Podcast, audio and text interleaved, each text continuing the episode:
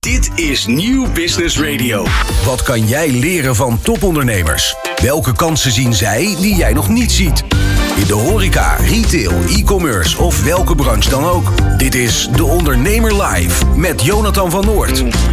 Ja, welkom terug en leuk dat je kijkt of luistert naar De Ondernemer Live. Onze hoofdgast van vandaag is Wouter Glazer, voormalig PR-orakel, die vanaf dit jaar ondernemers leert groeien. Verder gaan we het hebben over social media op de werkvloer en over de KVK Innovatie Top 100. Allemaal dit uur in De Ondernemer Live. Wat kan jij leren van topondernemers? Welke kansen zien zij die jij nog niet ziet? In de horeca, retail, e-commerce of welke branche dan ook. Elke ondernemer kent dezelfde uitdagingen. In De Ondernemer Live hoor je echte ondernemersverhalen. Elke dinsdag tussen 11 en 1 schuiven topondernemers en experts aan bij Jonathan van Noord op Nieuw Business Radio. Live meekijken kan via deondernemer.nl. En dan eerst het nieuws. Jongeren zitten veel op social media en dus ook op de werkvloer. Zoveel zelfs dat uit onderzoek blijkt dat 1 op de 8 jongeren wil dat hij op zijn werklaptop of werktelefoon niet op social media zou kunnen. Waarom? Omdat hij bang is om afgeleid te worden tijdens zijn werk. Hoe dat kan, daarover praat ik met Aaron Merk. Aaron, welkom. Goedemiddag. Ja, jij, jij deed hier onderzoek naar. Waar ben je zo al achter gekomen? Ja, dus niet alleen dat één op de uh, acht jongeren liever een werktelefoon en computer heeft zonder socials, maar ook dat één op de zes jongeren wel eens overwerkt omdat hij te lang op social media zit. Uh, dat gaat dus dagelijks eigenlijk om duizenden jongeren die gewoon ja, minder tijd hebben voor hobby's, ontspanning en onnodig lange werkdagen hebben, omdat ze ja, de verleiding van Instagram en TikTok uh, niet kunnen weerstaan. En meer dan 20% van de jongeren vinden het lastig om zich op werk te concentreren door social media. Twee op de drie werknemers onder de 30 zegt meer tijd op de socials door te brengen dan nodig is. Dat is veel meer dan bij de gemiddelde Nederlander. Dus ja, vooral jongeren blijken last te hebben van afleiding door social media. En uh, Aaron, om even het beeld van uh, jongeren goed te hebben. Het liefst schaar ik mezelf ook onder als 33-jarige, maar dat is niet zo. Hè? Welke, over welke leeftijd gaat dit? Ja, ik ben 34, dus ik kan je ongeveer de hand schudden. En ik, ik word ook wel eens meneer genoemd. Dan kijk ik ook om me heen wie ze in hemelsnaam bedoelen. Maar ja, dat gaat dan toch over mij. Uh, het onderzoek jongeren uh, is tot, tot 30. Dus ja, dat zijn wij niet meer. Um, maar toch even een, uh, een kanttekening, Aaron. Zit de jeugd niet al jaren op de telefoon? Is dit nou echt nieuw? Nou, dat, uh, ja, uh, aan de ene kant, dat doen ze al jaren. Uh, aan de andere kant, het is niet alleen een probleem van jongeren. Eén op de drie kinderen, zo blijkt uit onderzoek van het Jeugdjournaal, noemt zijn ouders schermverslaafd. Dus dat is niet alleen een probleem van jongeren. Um, en we hebben nu denk ik pas echt de, de maatschappelijke impact kenbaar van social media en smartphones op onze productiviteit en ons welzijn. Dus we hebben het over een telefoontjesverbod in de klaslokalen. Want we hebben door dat kinderen minder goed leren op middelbare scholen met zo'n telefoontje. Ja, misschien is dat dan ook wel aan de hand op de werkvloer. Dus uh, ik, ik denk dat dit pas het begin is van meer bewustwording over hoe ja, onze productiviteit een beetje gestolen wordt door de Mark Zuckerbergs van deze wereld. En kan je een voorbeeld geven uh, uh, hoe jongeren dus in de verleiding komen om social media te gebruiken tijdens, uh, tijdens werktijd? Ja, dus ik denk dat we allemaal wel eens een keer uh, onze melding aan hebben laten staan van een, uh, weet ik veel, een, een, Instagram of een Snapchat of een LinkedIn desnoods. Uh, nou ja, dat, dat is allemaal zo ontworpen. Dus ook de rode cijfertjes boven het social media icoon om ons aandacht te trekken. Um, en ja, dat, dat zorgt ervoor dat we afgeleid worden, dat we meer last hebben van stress. Um, en we, we communiceren met elkaar meer en vaker en langer uh, dan ooit. En er zijn meer burn-outs en er is meer stress, meer psychisch verzuim dan ooit. En ja, ik heb het vermoeden dat die twee zomaar met elkaar te maken kunnen hebben. In het kort, uh, waarom denk je dat? Nou ja, we, we, we staan steeds minder vaak uit. Uh, dus we, we, we zijn ook buiten werktijd veel met elkaar aan het communiceren. En we zijn op werk zijn we niet aan het focussen op het werk wat voor ons ligt. Want je hoeft maar twee keer door te klikken op je computer en je bent door een timeline aan het scrollen die oneindig doorklikbaar is. Um, dus wat we, we volgens, allemaal, volgens mij allemaal wel eens doen, is dat je, hey, je hebt een paar taken afgerond, je bent een uurtje aan het werk en dan wil je eigenlijk even pauze houden en dan klik je door naar vi.nl of nu.nl achterklap of uh, Instagram of wat dan ook. Uh, die pauze duurt altijd langer dan gepland. Uh, er is altijd meer content. En je hersenen rusten niet echt uit. Uh, want zelfs het bekijken van een schattig kattenfilmpje, ja, dat, dat kost energie. Dat ziet je hersenpan als het verwerken van informatie. Dus we laden, we laden steeds minder goed op op het werk en ook daarbuiten. Dus ja, we, we laten ons een beetje verleiden door die digitale middelen. En daardoor komen we niet toe aan het werk wat we willen doen. Als er nu ondernemers kijken en luisteren en die denken: ja, dit zie ik ook wel bij mij op de werkvloer uh, gebeuren. Dat mijn personeel toch wel uh, iets te vaak op de telefoon zit te kijken. En dan, dan betrap ik ze op Instagram, Facebook, Snapchat, noem het allemaal maar op. Hoe kan je hier als ondernemer nou echt goed mee omgaan? Ja, dus het, begint met het uitgangspunt dat het, dat, dat het gewoon gedrag is. Dat, het niet, dat, dat je niet boos zou moeten worden, denk ik. Er zijn maar twee beroepsgroepen die hun klanten gebruikers noemen. Dat zijn softwareontwikkelaars en drugsdealers. En ze hebben allebei als doel om ons zo verslaafd mogelijk te maken. Uh, dus nou ja, daar, daar begint het mee met bewustwording dat er een hele industrie bezig is om onze aandacht te kapen. Uh, en dan gaat het om voorlichting. Dus leer ze hoe ze uh, slimmer kunnen omgaan met die technologie. En we hebben een smartphone, we hebben artificial intelligence. Dus er is een heleboel slimme technologieën. Ja, en nu nog slimme gebruikers. En ja, een slimme gebruiker zet zijn meldingen uit van zijn social media. Die legt zijn telefoon wat vaker weg. Uh, en die gaat misschien ook zelfs wel op een social media dieet. En die verwijdert dan alle socials van zijn smartphone. En die zet ze er bijvoorbeeld maar één keer per dag of één keer per week weer op zijn telefoon. Uh, net zoals je één keer per dag een snoepje mag of een, uh, een, zakje chips. In plaats van dat je een pot met snoep op tafel zet als je wil afvallen. Zo moet je denk ik ook niet je, je social media op je telefoon of je computer hebben als je wil gaan focussen. Dus dat, dat zijn de, de tips, denk ik, die ik aan ondernemers heb. Uh, die hun werknemers daarmee willen helpen. En de meest radicale tip zou zijn om aan te raden om hun telefoon op zwart-wit te zetten. Dat maakt echt je telefoon oerzaai. Dat is de meest radicale tip, maar ik denk ook wel de meest effectieve tip. Maar Aaron, dan zeg je eigenlijk dat je als ondernemer wel op de ja, bijna een soort scheidsrechterstoel moet gaan zitten. Dat jij bepaalt voor je medewerker dat hij dat, uh, uh, dat moet doen. Moet het eigenlijk niet uit de medewerker zelf komen dan? Oh ja, ik heb het niet als een bevel bedoeld. De, daar geloof ik niet echt in. Ik denk ook niet dat je iemand kan motiveren door te zeggen: je moet dit doen.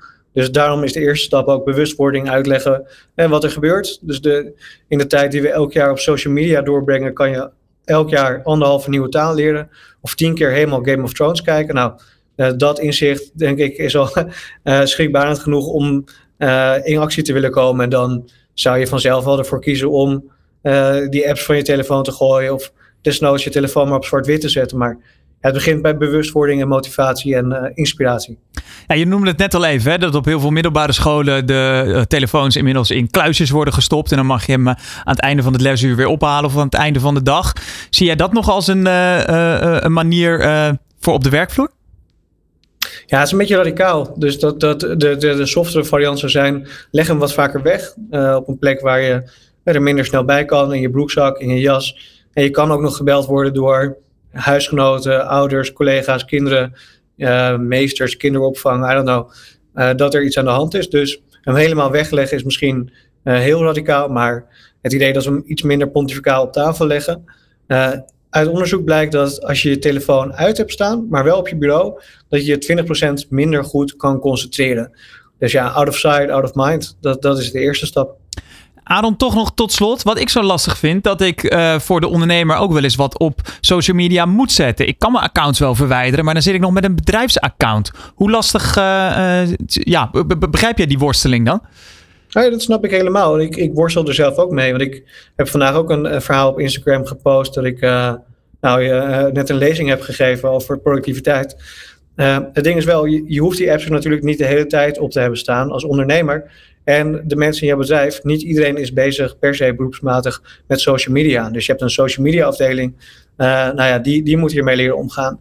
Maar ik kan me niet voorstellen dat jouw finance afdeling of HR afdeling uh, de hele dag moet lopen Instagram of LinkedIn voor jouw bedrijf. En dan, als het wel zo is, dan gaat er iets heel anders mis.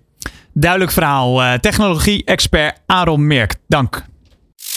Je luistert naar De Ondernemer Live. Elke dinsdag live van 11 tot 1 met Jonathan van Noord op Nieuw Business Radio. Ja, hoofdgast van de dag is nog steeds Wouter Glazer. Met zijn nieuwe bedrijf GoDelphi richt hij zich op het helpen van ondernemers bij de groei van hun bedrijf. En waar hij in het eerste uur al aangaf dat hij met zijn vorige bedrijf Glasnost vaak wel met een fles wodka onder de arm bij klanten langs ging, zie ik nu een andere fles op tafel. Wouter, wat heb je voor ons meegebracht. Ja, ik ben met mijn vader naar, uh, naar Delphi uh, gegaan. Daadwerkelijk. Uh, dus een, een, maand geleden. Om te kijken van, goh, wat... sowieso, hoe, ziet, hoe, hoe ligt de ruïnes erbij? En wat is nou echt exact het verhaal van A tot Z? Want je kan die naam wel verzinnen, maar waar staat het nou eigenlijk voor? Ja, nou kijk, de, de, in, in de oudheid had je een profeteres, die heette Pythia. En die, die gaf eigenlijk advies aan, aan wijze mensen. Uh, in de tempel van Apollon in Delphi. En uh, mensen kwamen daar om raad te halen. Nou, dan ga je toch weer terug naar wat ik net vertelde. Dat ik heel erg gedreven word om een bepaalde kennis met mensen te delen. Dus daar zag ik wel een, een parallel uh, toe. Plus ik denk dat uiteindelijk Go Delphi wel groter weer, wordt dan mijzelf.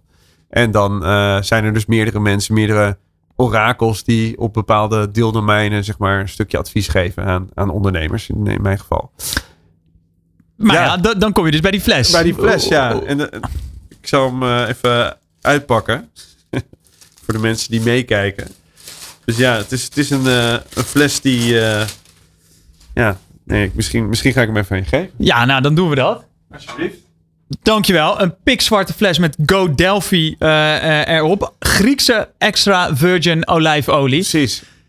Ook weer dus iets om aan uh, klanten en uh, relaties achter te laten dan? Precies, ja. Dus het is voor klanten en, en, en relaties, maar vooral aan mensen die, en dat is trouwens ook even een tip voor al, elke ondernemer die meeluistert, van op het moment dat, je, dat iemand jou een lead geeft en jou dus business gunt, en dan kan je gewoon zeggen dankjewel of een keer een fles champagne opsturen of een keer meenemen naar voetbal. Dat kan allemaal.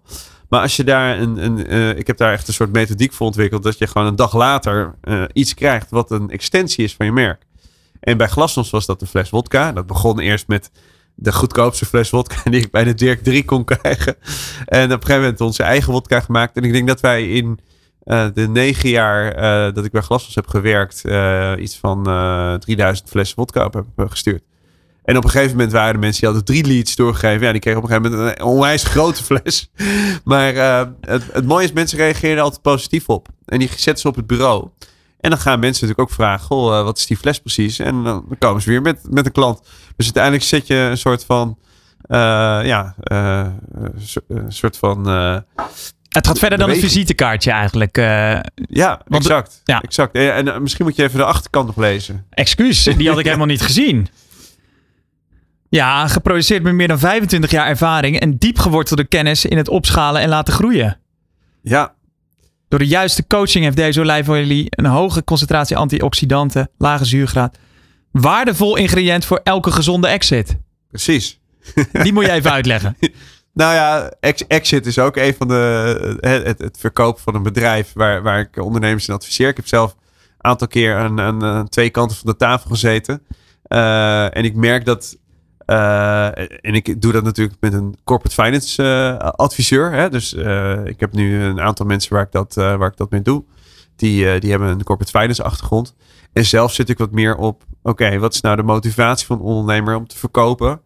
nou, ook die cultuur blijf ik belangrijk vinden. Is je bedrijf overdraagbaar? Want vaak zijn ondernemingen gebouwd rondom de ondernemer. En de slag die ik bij Glasnost heb gemaakt, waardoor het verkoopbaar was, was dat ik na drie, vier maanden na de verkoop een, een rol kon krijgen, zeg maar, in het, uh, in het nieuwe bedrijf. En, en dat Henk de, de teugels van mij overnam.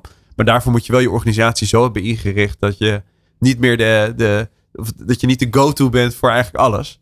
Um, en, en op die manier helpen wij eigenlijk ondernemers vanuit GoDelphi om de meest optimale waarde voor een bedrijf te krijgen. En misschien kom je wel tot de conclusie dat de exit zelf helemaal niet moet, maar dat je een exit wil van je werk.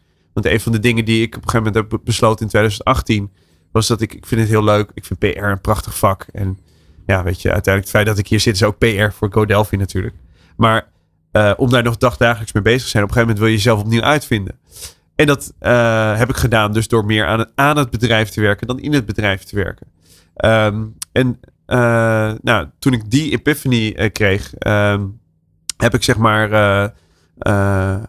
ook een, een, een, zeg maar een andere rol ingenomen in het bedrijf. En daardoor was het verkoopbaar. En daar wil ik eigenlijk andere uh, ondernemers ook bij helpen om het daarmee ja, makkelijker te maken om een bedrijf te verkopen. Of misschien wel te zeggen, ik ga uh, op Ibiza zitten en ik uh, heb een hele goede persoon, een managing director aangenomen. En af en toe speel ik nog een beetje Sinterklaas. Door wat klanten binnen te brengen en wat op LinkedIn te roepen. Maar dat is mijn rol. Dat is mijn exit. Dat is een andere exit. Ja, dan hoef je het niet per se te verkopen. Uh, ja. Um, als ik het uh, hier met ondernemers uh, over heb, want die komen wel eens langs hè, als ze hun bedrijf verkocht hebben of daar mee bezig zijn, dan hoor je toch wel eigenlijk altijd, ja shit, had ik toch wel iets eerder mee moeten beginnen. Um, wanneer moet iemand jouw hulp inschakelen als ze denken dus aan een exit? Twee jaar van tevoren. Dat is best vroeg. Zeker, ja, absoluut. Want en, en dan kijkt de corporate finance uh, adviseur die kijkt naar uh, hoe, hoe, zit je, hoe zit je winst- en verliesrekening in elkaar? Hoe pak je de omzet? Is dat wanneer je factuur uitstuurt of wanneer de omzet daadwerkelijk draait? Als het bijvoorbeeld om een urenbusiness gaat. Ehm, en die, die zal daar optimalisatie advies in, in, hebben. En ik kijk wat meer over inderdaad de overdraagbaarheid van de organisatie.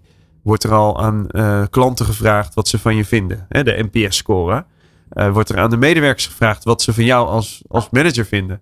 En de eerste keer dat ik dat terugkreeg, toen kon ik ook drie dagen niet slapen. Maar goed. Wat kreeg je zo al terug? nou, ik zat half, zeg maar, in, uh, in het bedrijf nog in klanten. Maar ik was ook een bedrijf aan het schalen. Dat kan gewoon niet samen. Dus elke ondernemer gaat hier doorheen. Maar goed, uh, nou ja, dat, dat ik weinig vertrouwen had. En dat ik veel te snel was. En dat soort dingen. Maar goed, dat zegt mijn vrouw ook. nou, dat vertrouwen zit wel goed hoor. Maar als het gaat, ik ben best wel snel. En, uh, en, en, maar wat bedoel je met weinig vertrouwen? Nou ja, dat, dat doordat je snel bent, kan het ook zijn dat je, dat je niet wil wachten op uh, dat iemand met een oplossing komt. En dat is natuurlijk, onder, ondernemers zijn heel goed in oplossingen bedenken. Dus uh, ja, op een gegeven moment moet je gewoon even wachten tot die oplossing er is. Maar uiteindelijk is het geen haalbare zaak dat je als je 15 of 20 mensen bent, dat je omdat je een goede relatie hebt, bijvoorbeeld in mijn geval was dat met Vodafone Ziggo, dat ik nog even dat hele account ernaast deed, naast het managen van 20 mensen. Dat zijn gewoon twee verschillende dingen. Maar ik vond het vak gewoon ook nog best wel lang leuk. En, en daardoor bleef ik daarin hangen. Maar dan, op een gegeven moment is het gewoon klaar. Weet je, dan moet je gewoon een, uh, een streep trekken en zeggen: Ja, Wouter, uh, je gaat een andere rol innemen. En dat is, dat is best wel tricky. Dat, dat luistert nou. Dat moet je ook maar net leuk vinden, toch? Dat je niet meer echt met die poten in de klei staat bij zo'n klant zit. Klopt er zijn natuurlijk heel veel ondernemers die, die blijven gewoon klein. Die, die, die vinden het gewoon prima. Hebben ze een overzichtelijk bedrijf. Uh, zijn zelf specialist. En kunnen dat de, rest van hun leven doen. En dat is helemaal prima. Uh, alleen de ondernemers die ik spreek, nu ook bij Godelphi, dat zijn mensen die willen groeien. En die willen misschien hierna nog wel een ander bedrijf opzetten. Uh, en die hebben gewoon een perfecte product market fit gevonden. En vanuit die groei die ze zelf al realiseren, weten ze dat ze, als ze dat een paar jaar doen. En inderdaad twee jaar van tevoren beginnen met voorbereiden. En dan, dan let ik bijvoorbeeld ook over zaken als uh, hoe heb je, heb je een X-factor? Dat is ook een hele belangrijke. Van heb je iets wat jouw concurrentie niet zou kunnen kopiëren? Um, nou, dat, dan weet je al op een gegeven moment als je een bepaalde omzetgrootte hebt, dat het bedrijf zo verkoopbaar wordt dat je daarmee financieel onafhankelijk wordt. Nou, dat, dan, dan wordt het denk ik interessant om je bedrijf te verkopen. Uh, of wellicht op een andere manier een exit te maken. En dan kan je vanuit daar weer een, nieuw bedrijf starten. Wat had jij eerder willen weten bij jouw uh, exit? Ik had bedrijfskunde willen studeren. Leg eens uit. nou, ik moet zeggen dat, dat, dat uh, ik, ik, ben een gevoelsmens. Uh, ik doe veel op intuïtie. maar ik ben van overtuigd dat als je boven de 20 FTE duurzaam wil groeien, dat je gewoon bepaalde structuren nodig hebt en bepaalde visies. En die zijn soms heel tegennatuurlijk. Bijvoorbeeld, een van de zaken die ik, die ik heb geleerd, zeg maar, is het, nou, de, de, waarde van de cultuur. Hè, met, met, met, met goede kernwaarden. Nou, de eerste keer dat ik die kernwaarden tegenkwam was toen ik bij CNA werkte op de, op de zag ik, zag ik op de spiegel. ze zeiden me niet zoveel. En ik heb daarna nog bij verschillende bedrijven gezeten die wel echt zeker kernwaarden hebben, maar die kwamen niet echt terug.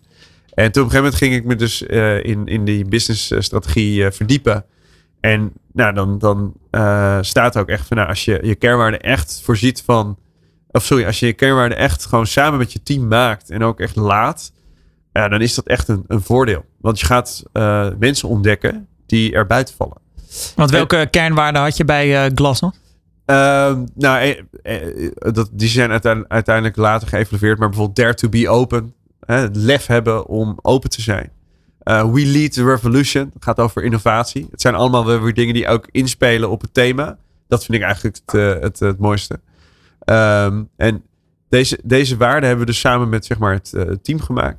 Maar op een gegeven moment, uh, als je dan bijvoorbeeld naar, naar, je, naar je collega's gaat kijken, dan zijn er mensen die heel goed zijn in hun vak, die heel veel geld voor je verdienen, maar die lager op die kernwaarden scoren. En je hebt mensen die zijn, die leven die kernwaarden.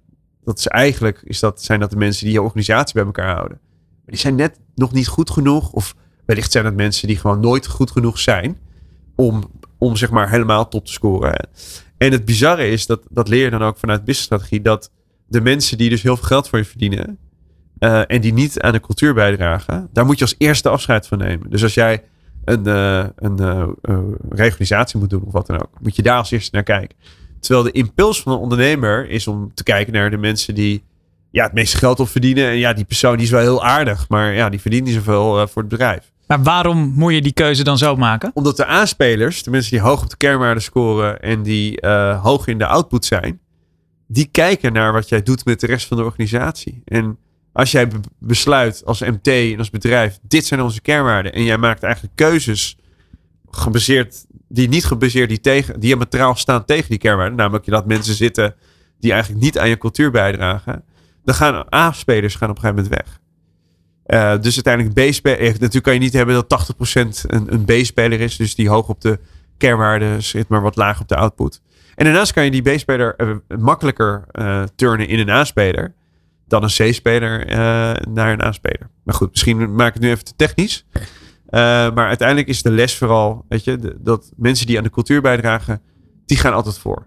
En je kunt mensen van alles leren en ook beter maken. Ook zorgen dat de output omhoog gaat. Maar dan, dan moeten die kernwaarden wel spot-on zijn. En dan moeten dat niet holle kreten zijn, wat je natuurlijk nog wel eens uh, tegenkomt. Nee, exact. Dus je moet uiteindelijk ook duiden van wat bedoel je dan met We Lead the Revolution? Of wat bedoel je dan met uh, We Connect over vodka? Was er, was, was er nog één. Nou, daar zat onze vodka natuurlijk in.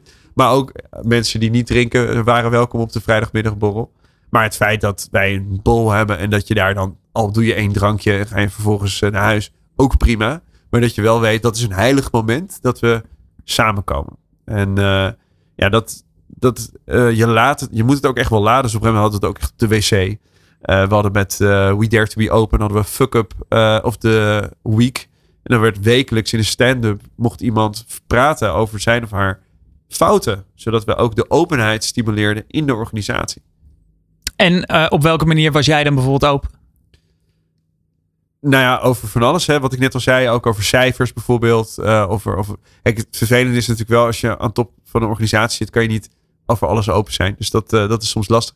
Maar ik heb ook wel eens een. Uh, maar dat botst dan toch? Of? Ja, dat botst soms wel. En ik heb ook wel eens een keer gehad dat ik, ik had een klant gewonnen en ik was, was offsite. En ik reed terug naar kantoor. En mensen vroegen, we weet je het al? En ik wist het al, dat we het hadden gewonnen. We hadden daar met een heel team op, op, op gewerkt met een pitch.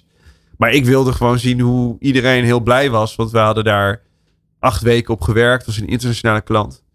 En uh, dus ik zei, nee, ik weet nog niks. Maar vervolgens mailde die klant een uh, berichtje door met ja, we willen starten met de onboarding. Ik dacht, ja, lekker servicegericht.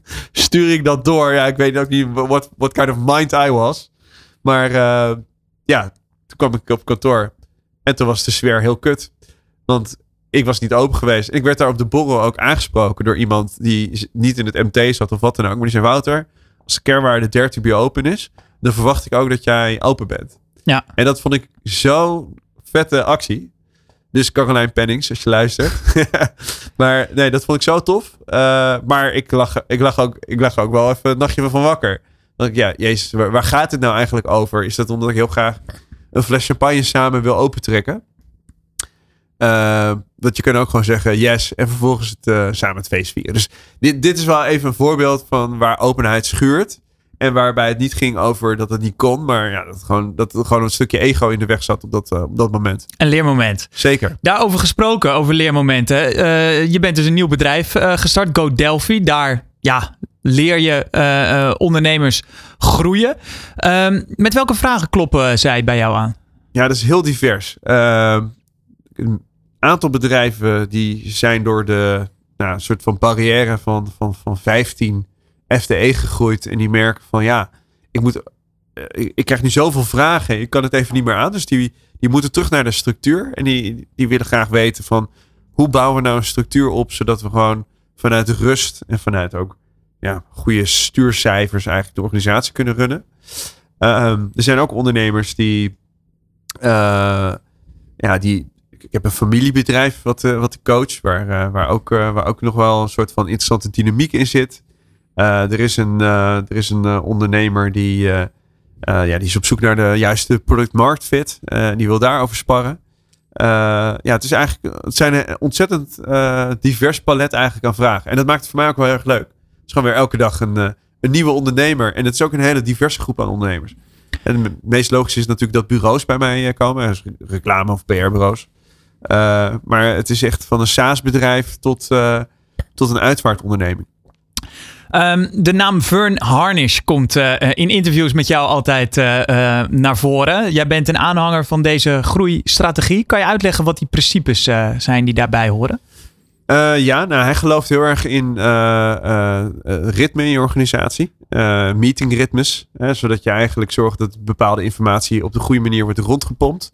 En iedereen die zal het wel herkennen dat ze in een organisatie werken waar wel eens wordt, wordt bijgepraat. Maar dat je eigenlijk niet helemaal voelt waar Een wekelijkse vergadering. Precies. Ja, dus, dus, dus dat heb ik ook heel erg heilig gemaakt. Ook wel in mijn laatste rollen binnen ACE. Ik heb ook nog bij Blauw Gras gezeten bijvoorbeeld. Nou, daar heb ik, een reclamebureau is dat, hè? Dat is ook een reclamebureau daar heb ik dat bijvoorbeeld heel erg uh, weer in teruggebracht. En dat was heel. Uh, dat, dat werkte heel goed. Dus ook bijvoorbeeld door rondjes te gaan lopen met mensen. Om echt te weten. En dan moet je een start-stop-continue vraag stellen. Waar moeten we vandaag mee starten? Waar moeten we vandaag mee stoppen? En waar moeten we vooral mee doorgaan? En daarmee krijg je zo'n prachtige mooie informatie. Dat je die eigenlijk elke week in het MT wil overleggen. Nou, dan ga je daar beleid op maken. En dan één keer per maand kom je terug met. Hier gaan we naar, met het bedrijf naartoe. En daar laat je ook zien, nou, jullie hebben allemaal rondjes gehad. Er zaten wat gemene delers in. Nou, voelen mensen dat ze uh, ook onderdeel Betrokken. maken van je beleid. Ja, en dat ergens, ja, dat, dat moet ze niet voelen. Dat is ook zo. Dus dat, dat is een van de belangrijke uh, pilaren eronder, is ritme. Maar ook het uh, hebben van belangrijke stuurdata, zodat je echt kunt ehm, beschouwen dat bepaalde zaken gewoon goed zijn.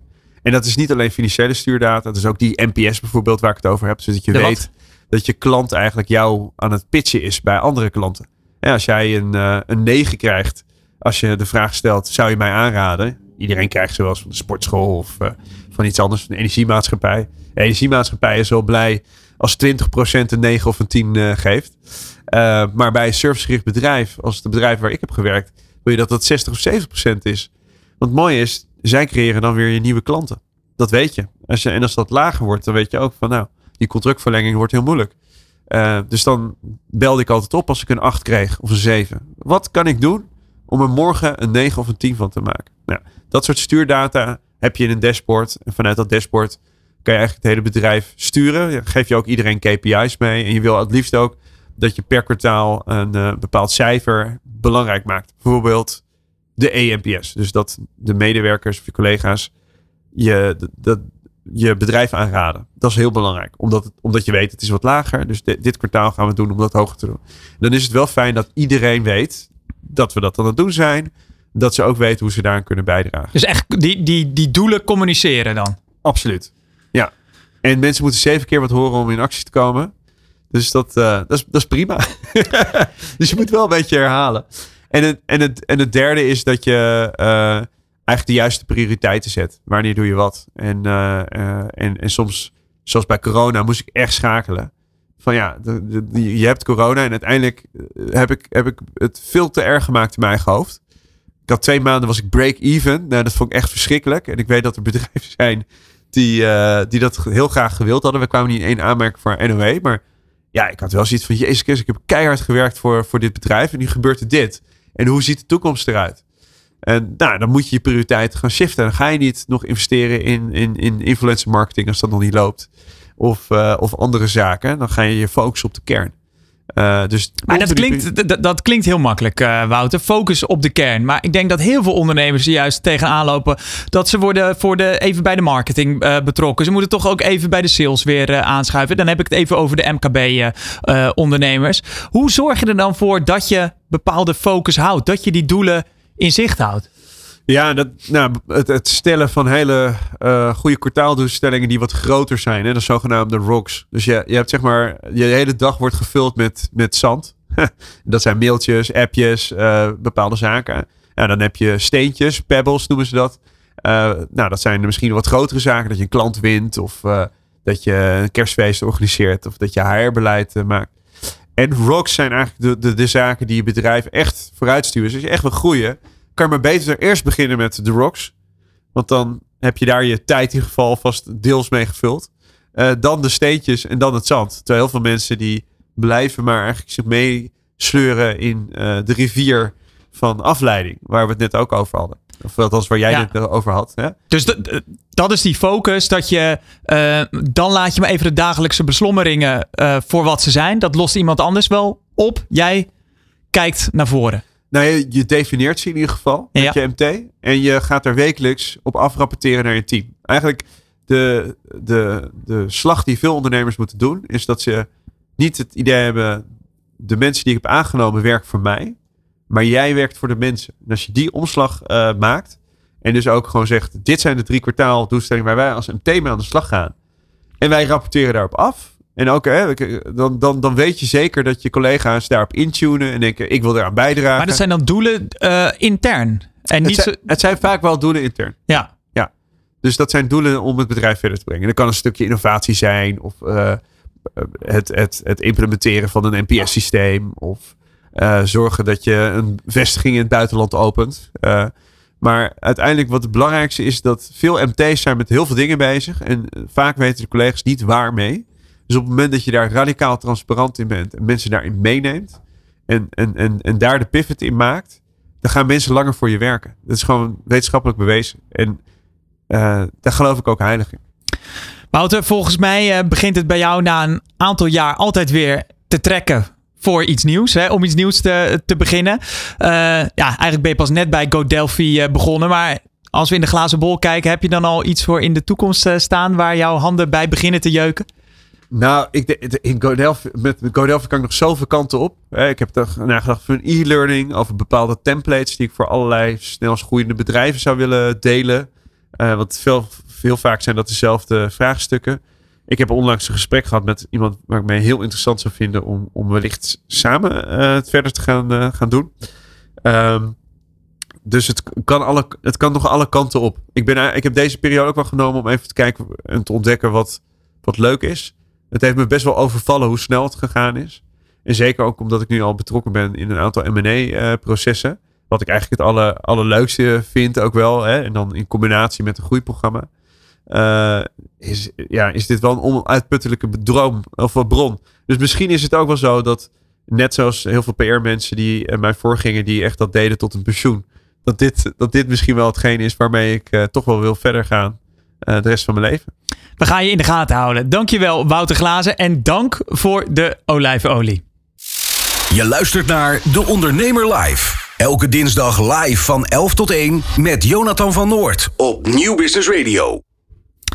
Innovatie, het is de backbone van een gezonde onderneming. Blijven innoveren en verbeteren om het beste resultaat te behalen. Sinds jaar en dag verzamelt de Kamer van Koophandel de meest innovatieve bedrijven van Nederland in een ranglijst. De KVK Innovatie Top 100. Bij ons aangeschoven zijn twee ondernemers uit die lijst. Arjan Jansma van Global. Zijn bedrijf, uh, ja, die zaait met een drone. Daar gaan we het straks over hebben. En Kitty Smeten van Hands Haar bedrijf maakt plant-based chocolate chip cookies zonder palmolie. Ook welkom. Maar daarnaast, het is een bomvolle studio, is ook aanwezig ondernemer Ruud Kornstra. Maar hij is ook al jaren jurylid voor de, Kamer van, uh, voor de KVK Innovatie Top 100. Zelf creatief ondernemer, onder meer van Oxio, het eerste 100% groene stroombedrijf van Nederland bomvol innovatie uh, hier, dit, uh, dit trio. Om te beginnen bij jou, uh, Ruud. Dit is de achttiende editie alweer dat de lijst wordt samengesteld. Ja. Waarom is deze lijst, deze prijs nodig? Nou ja, ik vind nog steeds dat ons miskend talent is de vernieuwingskracht van het Nederlandse MKB. En ik vind sowieso dat het MKB altijd een beetje onderligt dat is misschien ook wel omdat het MKB is. Hè? Maar we vergeten dat. De, de politiek, de mensheid vergeet hoe belangrijk dat MKB is. En wij zijn echt als innovatoren, MKB, fucking de beste van de wereld.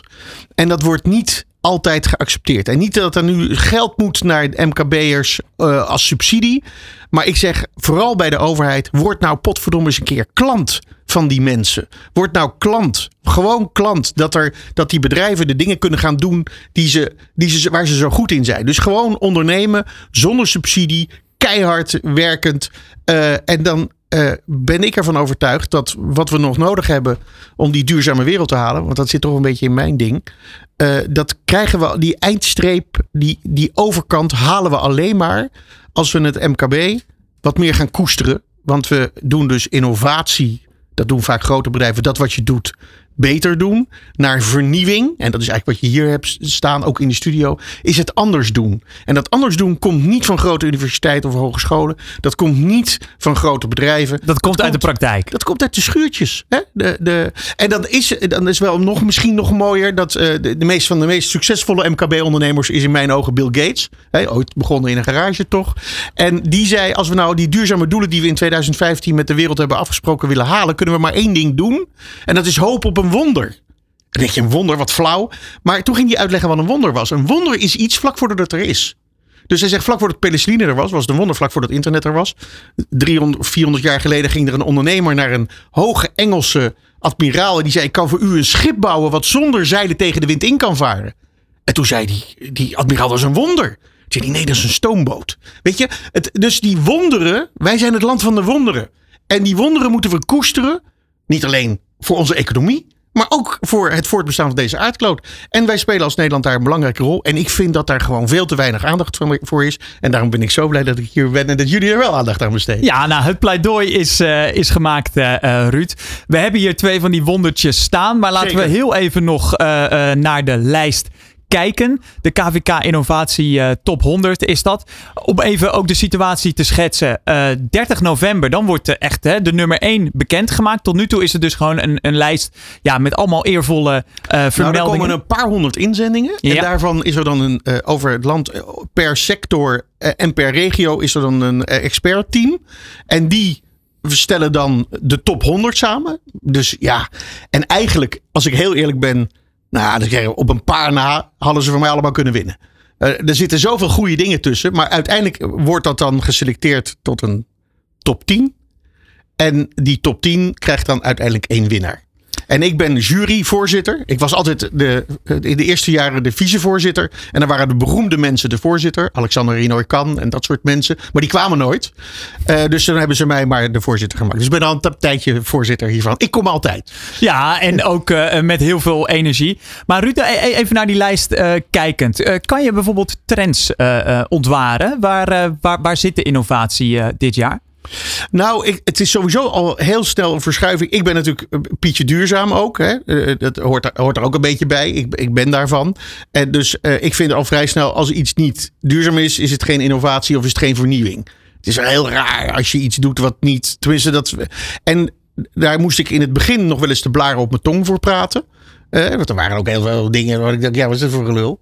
Uh, in mijn ogen, maar ik was maar een van de juryleden. Maar inmiddels zie je wel dat de trend gaat naar het besef dat het eerlijker moet in de wereld. Het besef dat het anders moet in de wereld. En dat daar, zonder het woord maar steeds te noemen, ja, het is vanzelfsprekend dat het, dat het verstandig is dat er een, een nieuwe dimensie bij komt. En dat is die duurzaamheid. Wat je ziet is AI is natuurlijk ontzettend interessant. Het overwoord, hè, de laatste tijd. Ja, ja, maar ja, het is natuurlijk ook, het is natuurlijk ook weer bijzonder. En heel, heel veel goeroes vinden het heel eng en anderen vinden het heel mooi. Nou, en ik zie gewoon dat er bedrijven zijn die daar, ja, wat mij, uh, wat mij betreft, goede dingen mee doen. Um, dus dat vind ik wel. Ik vind food is een hele belangrijke gezondheid. Food, uh, uh, de stikstof, de boeren.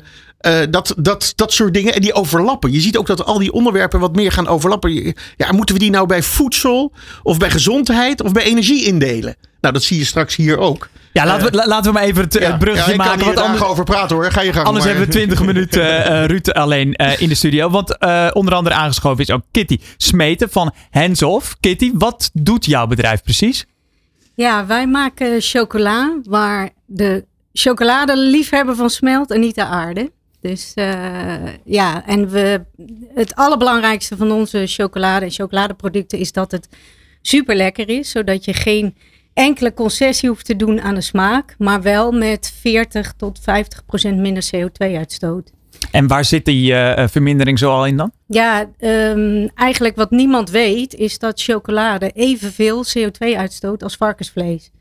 Dat is echt mega. Het is eh, eigenlijk het vierde voedingsproduct na eh, ja, rundvlees natuurlijk helemaal bovenaan. Zuivel. Schaap, eh, maar, en zuivel. Maar dan komt al chocolade. Dus boven varkensvlees, boven palmolie. En, en bij melkchocolade is, is 50% van die uitstoot komt door de melk. Dus wij hebben die melk eruit gehaald. Daar hebben we al een heel stuk gereduceerd. En een ander groot onderdeel, dat is 33%, komt door ontbossing van de cacao. Dus daar hebben we, daarom zijn we ook eh, bezig. Of hebben, net- zijn we net overgestapt naar traceerbare. Ruud wil even aanvullen. Ja, ja, mooi. Want jij stelde me net de vraag: wat, wat, wat is nou de trend? En wat ik hier nu precies, wat, wat ik echt bedoel, is dat vroeger was duurzaamheid en denken over de wereld betekent dat je moet inboeten op kwaliteit van leven of extra moet betalen. Hè, groene stroom is duurder en, eh, eh, en vegetarische eh, of, vega, of veganistische chocola is vies. Nee, dat is niet waar. Ik, ik heb een, eh, het, is, het is lekker en misschien wel lekkerder. Dus je hoeft niet in te boeten op kwaliteit van leven. Ehm, en toch, eh, eh, eh, dus die aarde is er voor ons. Dat is eigenlijk wat, wat jij, Ja, wat Kitty zeker. zegt. Het is er voor ons. We moeten het alleen even slimmer doen. Ja. Ik rijd in een elektrische auto. En, en dat is niet meer een hele dure. Ik had vroeger zo een van 125, nu een van 50.000 euro nieuw. Eh, en dan hoef je niet meer voor je tanken te betalen. Het is op zich wel een aardige auto. Maar dat is dus, hoort bij de top drie snelste auto's ter wereld. En mijn vrouw gaat daarmee naar Walibi met van die stickers achterop de auto. En die heeft dat helemaal niet door. Maar, dus je hoeft niet in te boeten op kwaliteit van leven. Op het moment dat je op een slimme manier die verduurzaamheid aanpakt. Maar, maar toch, nog heel gebeurt. even, Kitty. Is Ja. het zo makkelijk gegaan? Want dit klinkt alsof je even wat componenten uit de chocolade haalt. En voilà, hands off. Daar Ja. is die. Nou, ik ben eh, echt een enorme chocoladeliefhebber. Ik, eh, dat is ook de reden dat ik levensmiddelentechnologie heb gestudeerd. En smaak is al vanaf het begin echt super belangrijk voor ons. We hebben ook een vorm ontwikkeld die rond is, die lekker in je mond ligt. Want het is heel raar dat alle repen vierkant zijn terwijl je mond rond is. Ik denk dat is vast Het is radio, maar iedereen zit te kwijlen nu. Hè? Ja, ja, ja. Nee, zeker, zeker.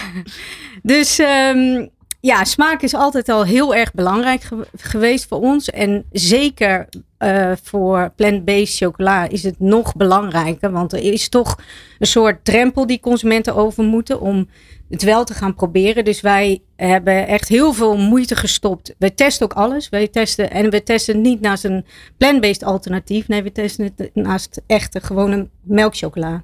Echte chocola. Ja, ik wou net zeggen. Traditionele chocola. Precies, traditionele chocola. Eh, en alleen als Of, we... of ouderwetse chocola, Ja. zou je het ook ja, kunnen noemen. precies. Ouderwetse chocola, ja. En alleen als we minimaal gelijk scoren, dan introduceren we het. En, en we zijn ook altijd op zoek van wat kunnen we nou toevoegen om het nog lekkerder te maken. Maar Kitty, toch nog even om je eh, eh, eh, even te interruperen. Welke hobbels ben- moest jij over om Ja. dit product Nou ja, zo kijk, succesvol neer te de- zetten? het zoeken naar alternatieven voor melk is best lastig. Want melk heeft een bepaalde smaak. We zijn er allemaal aan gewend. Dus dat, daar hebben we echt wel lang naar gezocht. Dus dat is al een eh, aspect. Maar ook in productie is het toch lastiger om een plant-based alternatief te maken. Want je wilt eigenlijk zo min mogelijk contaminatie in de productie. Nou, bij chocola worden de lijnen schoongemaakt met chocola. Dus, want er mag geen water bij komen. Je kan je voorstellen dat dat wel extra kosten met zich meebrengt. Dus dat om een goede producent te vinden die daar ook goed mee omgaat, dat is ook best, eh, best lastig. Bovendien ehm, willen wij ook, dus naast plant-based, willen wij ook geen palmolie en 100% natuurlijke ingrediënten. Dus je, de, de bron waaruit je kan kiezen om chocola nog lekkerder te maken en spannender met bijvoorbeeld koekjes of andere dingen, wordt ook kleiner. Dus je moet beter zoeken. Dus eh, ja, het heeft vooral te maken met doorzettingsvermogen. Maar dat vind ik sowieso. Kijk, dat is met alle innovatie. Het lukt nooit. Eigenlijk kan het nooit, want het is nog niet bedacht. En het is altijd moeilijk. En Het is een denk- wonder. Ja, precies. Ja. Ja. En, het- en het lukt eigenlijk alleen als je zegt van ja, maar als we het nou eens andersom doen. Of dan. Durven doen. Ja, Nou ja, Warren Buffett, een van de beste, investe- eh, succesvolste Ja. investeerders ter wereld, Amerikaan, die roept eh, altijd: een ondernemer is een dromer. En een succesvol ondernemer is een dromer die niet opgeeft. Dus dat is wel wat Ja. hier zit. Het is natuurlijk niet, wat- ik wilde niet zeggen dat het makkelijk was, maar als ondernemer streef je daarnaar dat het lekker is, dat het betaalbaar is, dat je het op de plank krijgt. Want een goede innovatie in de kast heb je niks aan. Het moet uit de kast. Ja. Nou ja, dat is wat jij eh, gedaan. Waar lig Ja. je nu met je, met ja, je wij liggen in eh met je repen?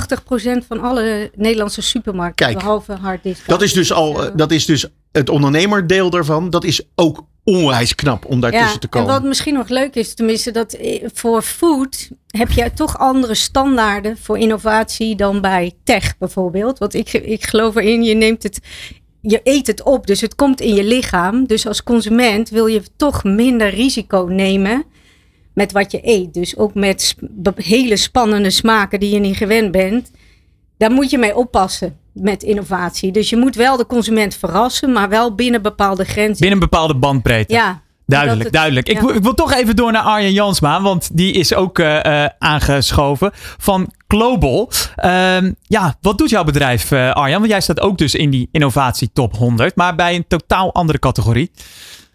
Ja, dat eh, klopt. Wij staan eh, in de innovatietop 100. Eh, wij zaaien met drones. Dus wij combineren eigenlijk twee innovaties. Dat is het zaaien met drones en het inpakken van de zaden met, in bolletjes. Zaaibolletjes noemen we die.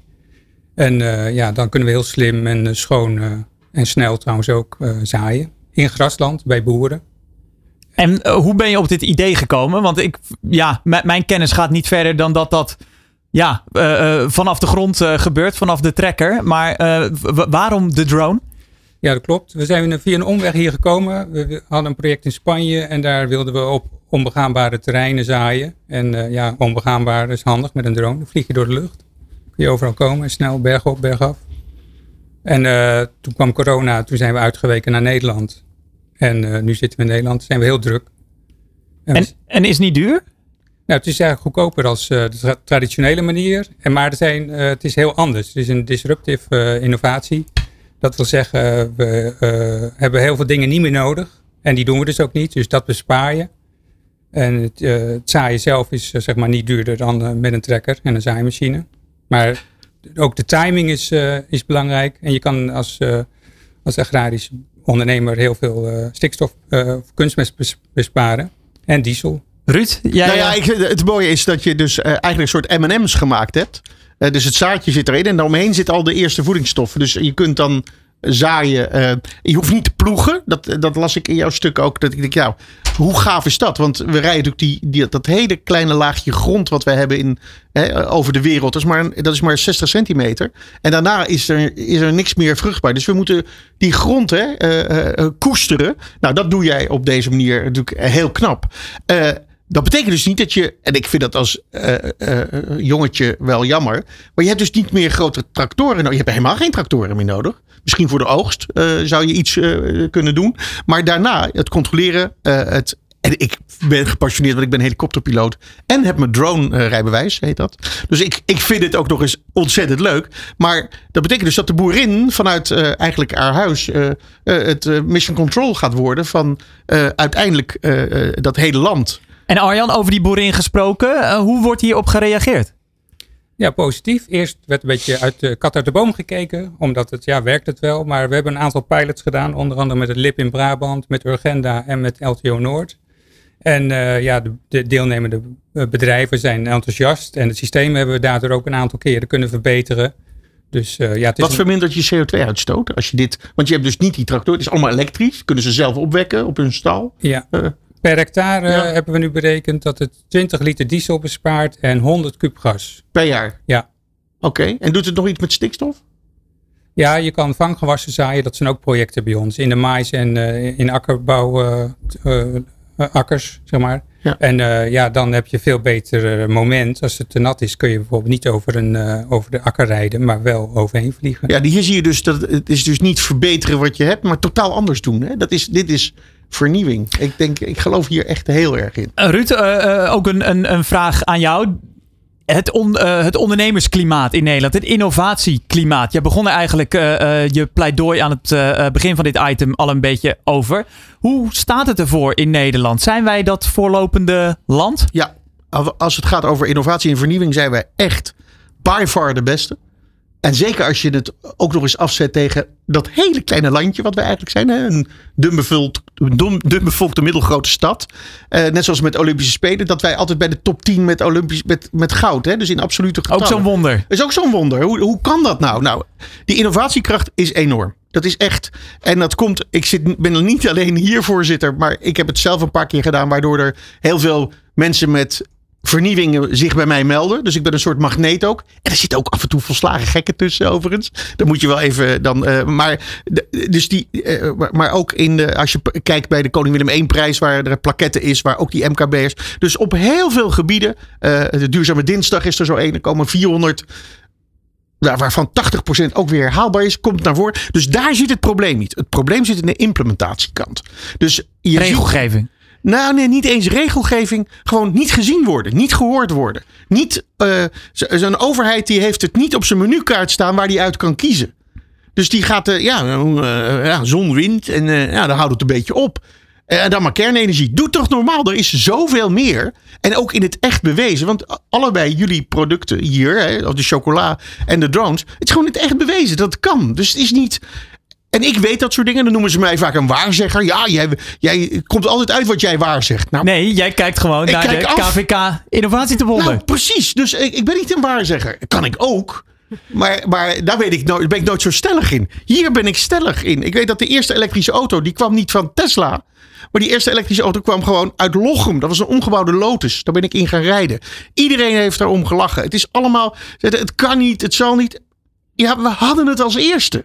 En, en, uh, en, en ja, dat is zo stom dat, we, dat onze overheid luistert naar de gevestigde orde. Dan ga ik toch iets zieligs zeggen daarin. Dat is, en, en sommige mensen noemen dat de Bezuidenhoutse weg. De Bezuidenhoutse weg is waar de koning woont. En dan eentje verder heb je links de regering en wat ministeries. En rechts heb je de lobbyclubs van de grote partijen. En jij noemde het woord net al, hè, disruptief. Uh, en bij jou is dat zeker ook het geval met je chocola. Jongens, de gevestigde orde, die, daar zitten mensen die moeten op de winkel passen en zorgen dat er ieder jaar niet te veel verandert en meer geld verdiend wordt.